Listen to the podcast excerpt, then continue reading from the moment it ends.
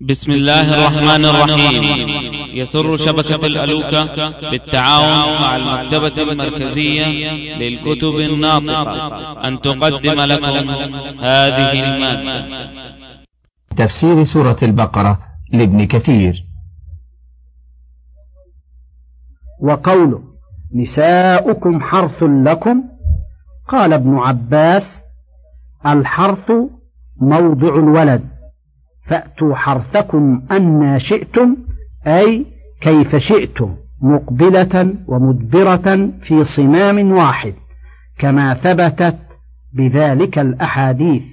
قال البخاري حدثنا أبو نعيم حدثنا سفيان عن ابن المنكدر قال سمعت جابرا قال كانت اليهود تقول إذا جامعها من ورائها جاء الولد أحول فنزلت نساؤكم حرث لكم فأتوا حرثكم أنا شئتم.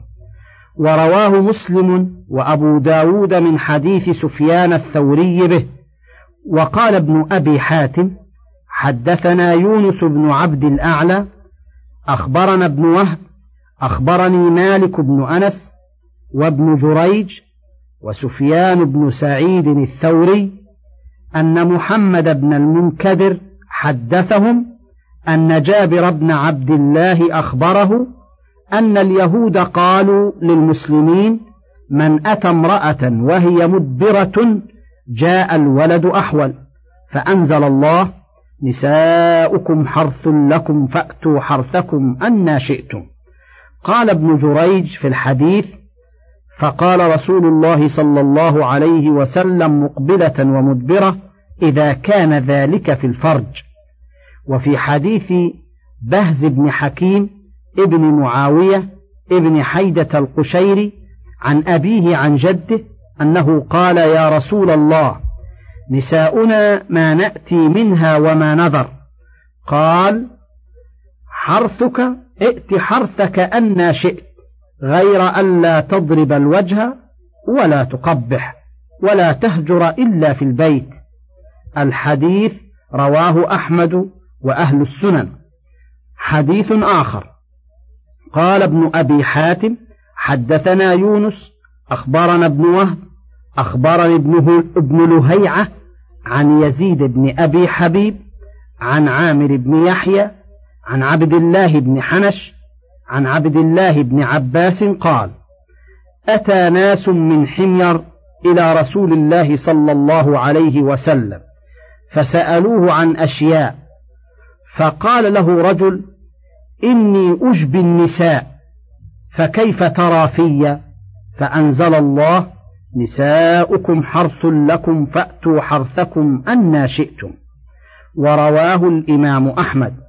حدثنا يحيى بن غيلان حدثنا رشدين حدثنا الحسن بن ثوبان عن عامر بن يحيى المغافري عن حنش عن ابن عباس قال أنزلت هذه الآية نساؤكم حرث لكم في أناس من الأنصار أتوا النبي صلى الله عليه وسلم فسألوه فقال النبي صلى الله عليه وسلم ائتها على كل حال إذا كان في الفرج.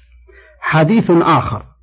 قال أبو جعفر الطحاوي في كتابه مشكل الحديث حدثنا أحمد بن داود بن موسى حدثنا يعقوب بن كاسب حدثنا عبد الله بن نافع عن هشام بن سعد عن زيد بن أسلم عن عطاء بن يسار عن أبي سعيد الخدري أن رجلا أصاب امرأة في دبرها. فأنكر الناس عليه ذلك. فأنزل الله نساؤكم حرث لكم الآية ورواه ابن جرير عن يونس عن يعقوب. ورواه الحافظ أبو يعلى الموصلي عن الحارث بن شريح عن عبد الله بن نافع به. حديث آخر. قال الإمام أحمد حدثنا عفان حدثنا وهيب حدثنا عبيد الله بن عثمان بن خيثم عن عبد الله بن سابط قال دخلت على حفصة بنت عبد الرحمن بن أبي بكر فقلت إني لسائلك عن أمر وأنا أستحي أن أسألك. قالت فلا تستحي يا ابن أخي. قال عن إتيان النساء في أدبارهن. قالت حدثتني أم سلمة أن الأنصار كانوا يجبون النساء وكانت اليهود تقول إنه من أجبى امرأته كان ولده أحول. فلما قدم المهاجرون المدينة نكحوا في نساء الأنصار فأجبوهن فأبت امرأة أن تطيع زوجها وقالت لن تفعل ذلك حتى آتي رسول الله صلى الله عليه وسلم. فدخلت على أم سلمة فذكرت لها ذلك فقالت اجلسي حتى يأتي رسول الله صلى الله عليه وسلم. فلما جاء رسول الله صلى الله عليه وسلم استحت الأنصارية أن تسأل رسول الله صلى الله عليه وسلم. فخرجت فسألته أم سلمة فقال ادعي الأنصارية. فدعتها فتلا عليها هذه الآية. نساؤكم حرث لكم فأتوا حرثكم أنا شئتم. صماما واحدا. ورواه الترمذي عن بندار عن ابن مهدي عن سفيان عن أبي خيثم به وقال حسن قلت وقد روي من طريق حماد بن أبي حنيفة عن أبيه عن ابن خيثم عن يوسف بن ماهك عن حفصة أم المؤمنين أن امرأة أتتها فقالت إن زوجي يأتيني مجبية ومستقبلة فكرهته فبلغ ذلك رسول الله صلى الله عليه وسلم فقال لا بأس إذا كان في صمام واحد. حديث آخر. قال الإمام أحمد حدثنا حسن حدثنا يعقوب يعني القمي عن جعفر عن سعيد بن جبير عن ابن عباس قال جاء عمر بن الخطاب إلى رسول الله صلى الله عليه وسلم فقال يا رسول الله هلكت قال ما الذي أهلكك؟ قال حولت رحل البارحة. قال فلم يرد عليه شيئا. قال فأوحى الله إلى رسول الله صلى الله عليه وسلم هذه الآية. نساؤكم حرث لكم فأتوا حرثكم أنا شئتم. أقبل وأدبر واتق الدبر والحيضة. ورواه الترمذي عن عبد بن حميد عن حسن بن موسى الأشيب به. وقال حسن غريب. وقال الحافظ أبو يعلى حدثنا الحارث بن شريح حدثنا عبد الله بن نافع حدثنا هشام بن سعد عن زيد بن أسلم عن عطاء بن يسار عن أبي سعيد قال أثفر رجل امرأته على عهد رسول الله صلى الله عليه وسلم فقالوا أثفر فلان امرأته فأنزل الله عز وجل نساؤكم حرث لكم فأتوا حرثكم أنا شئتم.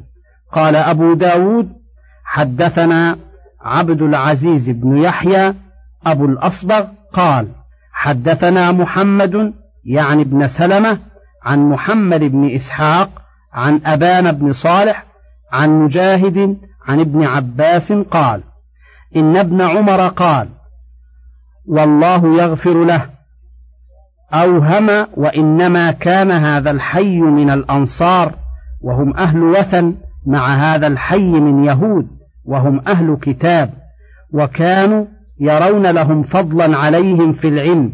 فكانوا يقتدون كثيرا من فعلهم وكان من أمر أهل الكتاب لا يأتون النساء إلا على حرف وذلك أستر ما تكون المرأة فكان هذا الحي من الأنصار قد أخذوا بذلك من فعلهم وكان هذا الحي من قريش يشرحون النساء شرحا منكرا ويتلذذون بهن مقبلات ومدبرات ومستلقيات فلما قدم المهاجرون المدينة تزوج رجل منهم امرأة من الأنصار فذهب يصنع بها ذلك فأنكرته عليه وقالت إنما كنا نؤتى على حرف فاصنع ذلك وإلا فاجتنبني. فسرى أمرهما فبلغ رسول الله صلى الله عليه وسلم فأنزل الله نساؤكم حرث لكم فأتوا حرثكم أنا شئتم. أي مقبلات ومدبرات ومستلقيات يعني بذلك موضع الولد تفرد به أبو داود. ويشهد له بالصحة ما تقدم له من الأحاديث ولا سيما رواية أم سلمة فإنها مشابهة لهذا السياق. وقد روى هذا الحديث الحافظ أبو القاسم الطبراني من طريق محمد بن إسحاق. عن أبانا بن صالح عن مجاهد قال عرضت المصحف على ابن على ابن عباس من فاتحته إلى خاتمته أوقفه عند كل آية منه وأسأله عنها حتى انتهيت إلى هذه الآية نساؤكم حرث لكم فأتوا حرثكم أنا شئتم فقال ابن عباس إن هذا الحي من قريش كانوا يشرحون النساء بمكة ويتلذذون بهن فذكر القصة بتمام سياقها. وقول ابن عباس إن ابن عمر والله يغفر له أوهم كأنه يشير إلى ما رواه البخاري حدثنا إسحاق حدثنا النضر بن شميل أخبرنا ابن عون عن نافع قال كان ابن عمر إذا قرأ القرآن لم يتكلم حتى يفرغ منه. فأخذت عنه يوما فقرأ سورة البقرة حتى انتهى إلى مكان قال أتدري فيما أنزلت؟ قلت لا. قال أنزلت في كذا وكذا. ثم مضى وعن عبد الصمد قال حدثني أبي حدثنا أيوب عن نافع عن ابن عمر فأتوا حرثكم أن شئتم؟ قال أن يأتيها في هكذا رواه البخاري.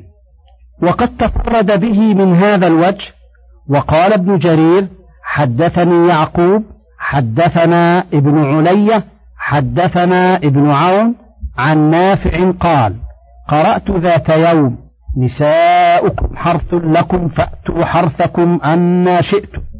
فقال ابن عمر أتدري فيما نزلت؟ قلت لا. قال نزلت في إتيان النساء في أدبارهن. وحدثني أبو قلابة. حدثنا عبد الصمد ابن عبد الوارث. حدثني أبي عن أيوب عن نافع عن ابن عمر. فأتوا حرثكم أنا شئتم. قال في الدبر. وروي من حديث مالك عن نافع عن ابن عمر. ولا يصح. وروى النسائي عن محمد بن عبد الله بن عبد الحكم عن أبي بكر ابن أبي أويس عن سليمان بن بلال عن زيد بن أسلم عن ابن عمر أن رجلا أتى امرأته في دبرها فوجد في نفسه من ذلك وجدا شديدا. فأنزل الله نساؤكم حرث لكم فأتوا حرثكم أنا شئتم. قال أبو حاتم الرازي لو كان هذا عند زيد بن أسلم عن ابن عمر لما أولع الناس بنافع وهذا تعليل منه لهذا الحديث. وقد رواه عبد الله بن نافع عن داود بن قيس عن زيد بن أسلم عن عطاء بن يسار عن ابن عمر فذكره.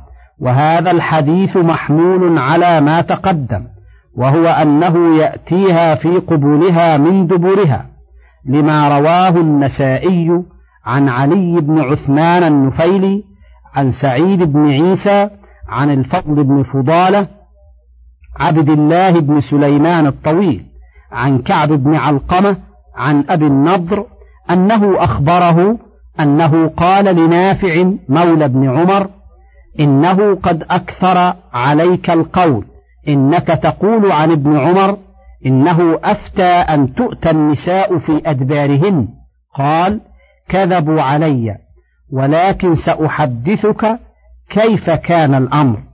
إن ابن عمر عرض المصحف يوما وأنا عنده حتى بلغ نساؤكم حرث لكم فأتوا حرثكم أنا شئتم. فقال يا نافع هل تعلم من أمر هذه الآية؟ قلت لا. قال إنا كنا معشر قريش نجب النساء فلما دخلنا المدينة ونكحنا نساء الأنصار أردنا منهن مثل ما كنا نريد فآذاهن فكرهن ذلك وأعظمنه. وكانت نساء الأنصار قد أخذن بحال اليهود إنما يؤتين على جنوبهن فأنزل الله نساؤكم حرث لكم فأتوا حرثكم أنا شئتم. وهذا إسناد صحيح وقد رواه ابن مردويه عن الطبراني عن الحسين بن إسحاق عن زكريا بن يحيى الكاتب العمري عن مفضل بن فضالة عن عبد الله بن عياش عن كعب بن علقمة فذكره. وقد روينا عن ابن عمر خلاف ذلك صريحا وأنه لا يباح ولا يحل كما سيأتي. وإن كان قد نسب هذا القول إلى طائفة من فقهاء المدينة وغيرهم وعزاه بعضهم إلى الإمام مالك في كتاب السر. وأكثر الناس ينكر أن يصح ذلك عن الإمام مالك رحمه الله. وقد وردت الأحاديث المروية من طرق متعددة بالزجر عن فعله وتعاطيه. فقال الحسن بن عرفة حدثنا إسماعيل بن عياش عن سهيل بن أبي صالح عن محمد بن المنكدر عن جابر قال قال رسول الله صلى الله عليه وسلم استحيوا إن الله لا يستحيي من الحق. لا يحل أن تأتوا النساء في حشوشهن. وقال الإمام أحمد حدثنا عبد الرحمن حدثنا سفيان عن عبد بن شداد عن خزيمة بن ثابت أن رسول الله صلى الله عليه وسلم نهى أن يأتي الرجل امرأته في دبرها. طريق أخرى. قال أحمد حدثنا يعقوب سمعت أبي يحدث عن يزيد ابن عبد الله ابن أسامة ابن الهاد أن عبيد الله بن الحصين الوالي حدثه أن عبد الله الواقفي حدثه أن خزيمة بن ثابت الخطمي حدثه أن رسول الله صلى الله عليه وسلم قال استحيوا إن الله لا يستحيي من الحق. لا تأتوا النساء في أعجازهن. ورواه النسائي وابن ماجة من طرق عن خزيمة بن ثابت وفي إسناده اختلاف كثير. حديث آخر. قال أبو عيسى الترمذي والنسائي حدثنا أبو سعيد الأشج حدثنا أبو خالد الأحمر عن الضحاك بن عثمان عن مخرمة بن سليمان عن كريب عن ابن عباس قال قال رسول الله صلى الله عليه وسلم لا ينظر الله إلى رجل أتى رجلا أو امرأة في الدبر. ثم قال الترمذي هذا حديث حسن غريب. وهكذا أخرجه ابن حبان في صحيحه وصححه ابن حزم أيضا ولكن رواه النسائي أيضا عن هناد عن وكيع عن الضحاك به موقوفا وقال عبد أخبرنا عبد الرزاق أخبرنا معمر عن ابن طاووس عن أبيه أن رجلا سأل ابن عباس عن إتيان المرأة في دبرها قال تسألني عن الكفر إسناده صحيح وكذا رواه النسائي من طريق ابن المبارك عن معمر به نحوه وقال عبد أيضا في تفسيره حدثنا إبراهيم بن الحاكم عن أبيه عن عكرمة قال جاء رجل إلى ابن عباس وقال كنت آتي أهلي في دبرها وسمعت قول الله نساؤكم حرث لكم فأتوا حرثكم أنا شئتم فظننت أن ذلك لي حلال فقال يا لكع إنما قوله فأتوا حرثكم أن شئتم قائمة وقاعدة ومقبلة ومدبرة في أقبالهن لا تعدوا ذلك إلى غيره. حديث آخر. قال الإمام أحمد حدثنا عبد الصمد حدثنا همام حدثنا قتادة عن عمرو بن شعيب عن أبيه عن جده أن النبي صلى الله عليه وسلم قال الذي يأتي امرأته في دبرها هي اللوطية الصغرى. وقال عبد الله بن أحمد حدثني هدبة حدثنا همام قال سئل قتادة عن الذي يأتي امرأته في دبرها فقال قتادة أخبرنا عمرو بن شعيب عن أبيه عن جده أن النبي صلى الله عليه وسلم قال هي اللوطية الصغرى. قال قتادة وحدثني عقبة بن وساج عن أبي الدرداء قال وهل يفعل ذلك إلا كافر؟ وقد روى هذا الحديث يحيى بن سعيد القطان عن سعيد بن أبي عروبة عن قتادة عن أبي أيوب عن عبد الله بن عمرو بن العاص قوله وهذا أصح والله أعلم. وكذلك رواه عبد بن حميد عن يزيد بن هارون عن حميد الأعرج عن عمرو بن شعيب عن أبيه عن عبد الله بن عمرو موقوفا من قوله طريق أخرى.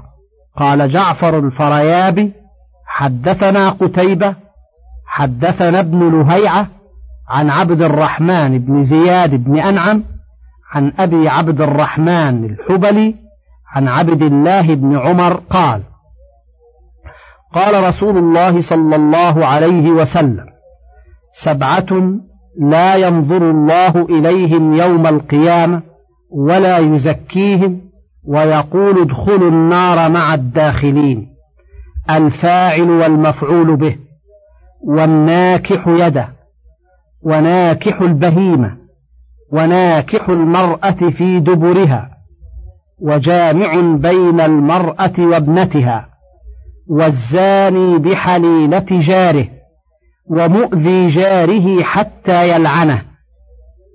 ابن لهيعة وشيخه ضعيفان. حديث آخر. قال الإمام أحمد حدثنا عبد الرزاق أخبرنا سفيان عن عاصم عن عيسى بن حطان عن مسلم بن سلام عن علي بن طلق قال نهى رسول الله صلى الله عليه وسلم أن تؤتى النساء في أدبارهن. فإن الله لا يستحي من الحق. وأخرجه أحمد أيضا عن أبي معاوية وأبي عيسى الترمذي من طريق أبي معاوية أيضا عن عاصم الأحول به وفيه زيادة وقال هو حديث حسن. ومن الناس من يورد هذا الحديث في مسند علي بن أبي طالب. كما وقع في مسند الإمام أحمد بن حنبل والصحيح أنه علي بن طلق. حديث آخر. قال الإمام أحمد حدثنا عبد الرزاق أخبرنا معمر عن سهيل بن أبي صالح عن الحارث بن مخلد عن أبي هريرة عن النبي صلى الله عليه وسلم قال إن الذي يأتي امرأته في دبرها لا ينظر الله إليه. وقال أحمد أيضا حدثنا عفان حدثنا وهيب حدثنا سهيل عن الحارث بن مخلد عن أبي هريرة يرفعه قال لا ينظر الله إلى رجل جامع امرأته في دبرها. وكذا رواه ابن ماجه من طريق سهيل. وقال أحمد أيضا حدثنا وكيع عن سهيل بن أبي صالح عن الحارث بن مخلد عن أبي هريرة قال قال رسول الله صلى الله عليه وسلم ملعون من أتى امرأته في دبرها. وهكذا رواه أبو داود والنسائي من طريق وكيع به. طريق أخرى. قال الحافظ أبو نعيم الأصبهاني أخبرنا أحمد بن القاسم بن الريان حدثنا أبو عبد الرحمن النسائي حدثنا هناد ومحمد بن إسماعيل واللفظ له قال حدثنا وكيع حدثنا سفيان عن سهيل بن أبي صالح عن أبيه عن أبي هريرة قال قال رسول الله صلى الله عليه وسلم ملعون من أتى امرأة في دبرها. ليس هذا الحديث هكذا في سنن النساء وإنما الذي فيه عن سهيل عن الحارث بن مخلد كما تقدم. قال شيخنا الحافظ أبو عبد الله الذهبي ورواية أحمد بن القاسم ابن الزيان هذا الحديث بهذا السند وهم منه وقد ضعفوه. طريق أخرى. رواها مسلم ابن خالد الزنجي عن العلاء بن عبد الرحمن عن أبيه. عن أبي هريرة عن النبي صلى الله عليه وسلم قال ملعون من أتى النساء في أدبارهن. ومسلم بن خالد فيه كلام والله أعلم. طريق أخرى. رواها الإمام أحمد. وأهل السنن من حديث حماد بن سلمة عن حكيم الأفرم عن أبي تميمة الهجيمي عن أبي هريرة أن رسول الله صلى الله عليه وسلم قال من أتى حائضا أو امرأة في دبرها أو كاهنا فصدقه فقد كفر بما أنزل على محمد. وقال الترمذي ضعف البخاري هذا الحديث. والذي قاله البخاري في حكيم الترمذي عن أبي تميمة لا يتابع على حديثه. طريق أخرى. قال النسائي حدثنا عثمان بن عبد الله حدثنا سليمان بن عبد الرحمن من كتابه عن عبد الملك بن محمد الصنعاني عن سعيد بن عبد العزيز عن الزهري عن أبي سلمة رضي الله عنه عن أبي هريرة عن النبي صلى الله عليه وسلم قال استحيوا من الله حق الحياء لا تأتوا النساء في أدبارهن تفرد به النسائي من هذا الوجه. قال حمزة بن محمد الكناني الحافظ هذا حديث منكر باطل من حديث الزهري ومن حديث أبي سلمة ومن حديث سعيد. فإن كان عبد الملك سمعه من سعيد فإنما سمعه بعد الاختلاط. وقد رواه الترمذي عن أبي سلمة أنه كان ينهى عن ذلك. فأما عن أبي هريرة عن النبي صلى الله عليه وسلم فلا انتهى كلامه. وقد أجاد وأحسن الانتقاد إلا أن عبد الملك بن محمد الصنعاني لا يعرف أنه اختلط ولم يذكر ذلك أحد غير حمزة عن الكناني وهو ثقة. ولكن تكلم فيه دحيم وأبو حاتم وابن حبان وقال لا يجوز الاحتجاج به والله أعلم. وقد تابعه زيد بن يحيى بن عبيد عن سعيد بن عبد العزيز وروي من طريقين آخرين. عن أبي سلمة ولا يصح منها شيء. طريق أخرى. قال النسائي حدثنا إسحاق بن منصور حدثنا عبد الرحمن بن مهدي عن سفيان الثوري عن ليث بن أبي سليم عن مجاهد عن أبي هريرة قال إتيان الرجال النساء في أدبارهن كفر. ثم رواه عن بندار عن عبد الرحمن به. قال من أتى امرأة في دبرها وتلك كفر. هكذا رواه النسائي من طريق الثوري عن ليث عن مجاهد عن أبي هريرة موقوفا وكذا رواه من طريق علي بن ندينة عن مجاهد عن أبي هريرة موقوفا ورواه بكر بن حنيس عن ليث عن مجاهد عن أبي هريرة عن النبي صلى الله عليه وسلم قال من أتى شيئا من الرجال والنساء في الأدبار فقد كفر. والموقوف أصح وبكر بن خنيس ضعفه غير واحد من الأئمة وتركه آخرون. من فضلك تابع بقية المادة.